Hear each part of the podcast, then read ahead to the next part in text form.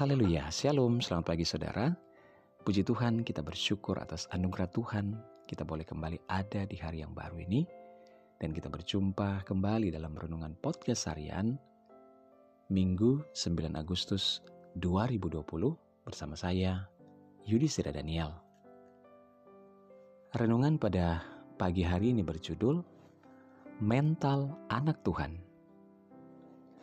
Firman Tuhan dalam Mazmur 126 ayat 5 berkata, Orang-orang benar menabur dengan mencucurkan air mata, akan menuai dengan bersorak-sorai. Ada pepatah yang mengatakan, palu menghancurkan kaca. Palu membentuk baja.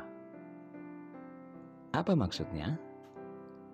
Maksudnya adalah kaca memiliki sifat mudah sekali retak, pecah, dan hancur apabila terkena benturan. Sedangkan baja, baja itu kuat, kokoh, dan tidak mudah pecah. Ini berbicara tentang reaksi seseorang terhadap masalah. Apakah kita bersifat seperti kaca yang rentan terhadap benturan, masalah, sehingga mudah sekali. Kecewa, hancur, putus asa, marah, tersinggung, sakit hati, frustrasi, mengasihani diri, dan menyalahkan orang lain, bahkan menyalahkan Tuhan.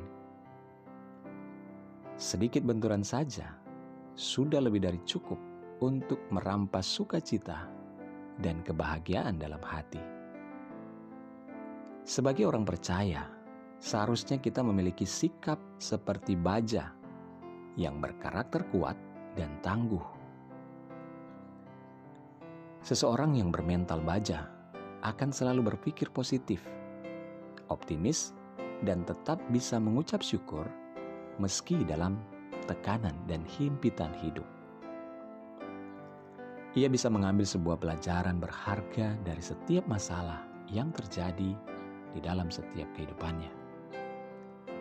Masalah baginya adalah sebuah proses yang membentuk dirinya untuk menjadi pribadi yang lebih baik dan kuat.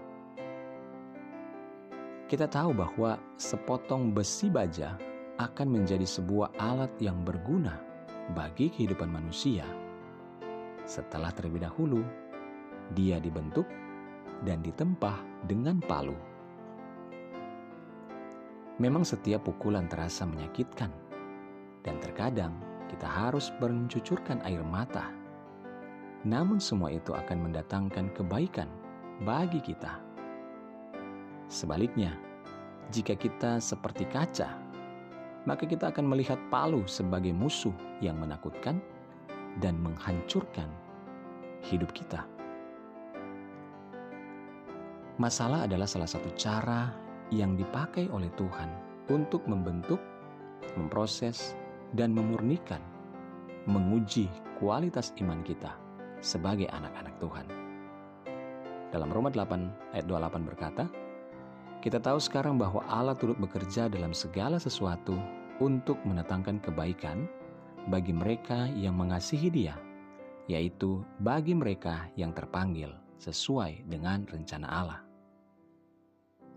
Karena itu, jangan pernah lari dari masalah. Namun, hadapilah masalah dengan iman yang kuat.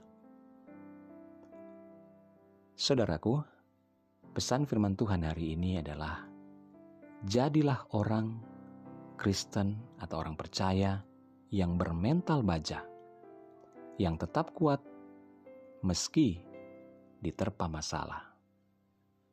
Haleluya! Mulailah hari ini dengan membaca dan merenungkan firman Tuhan. Hiduplah dalam ketaatan dan ucapan syukur kepada Tuhan.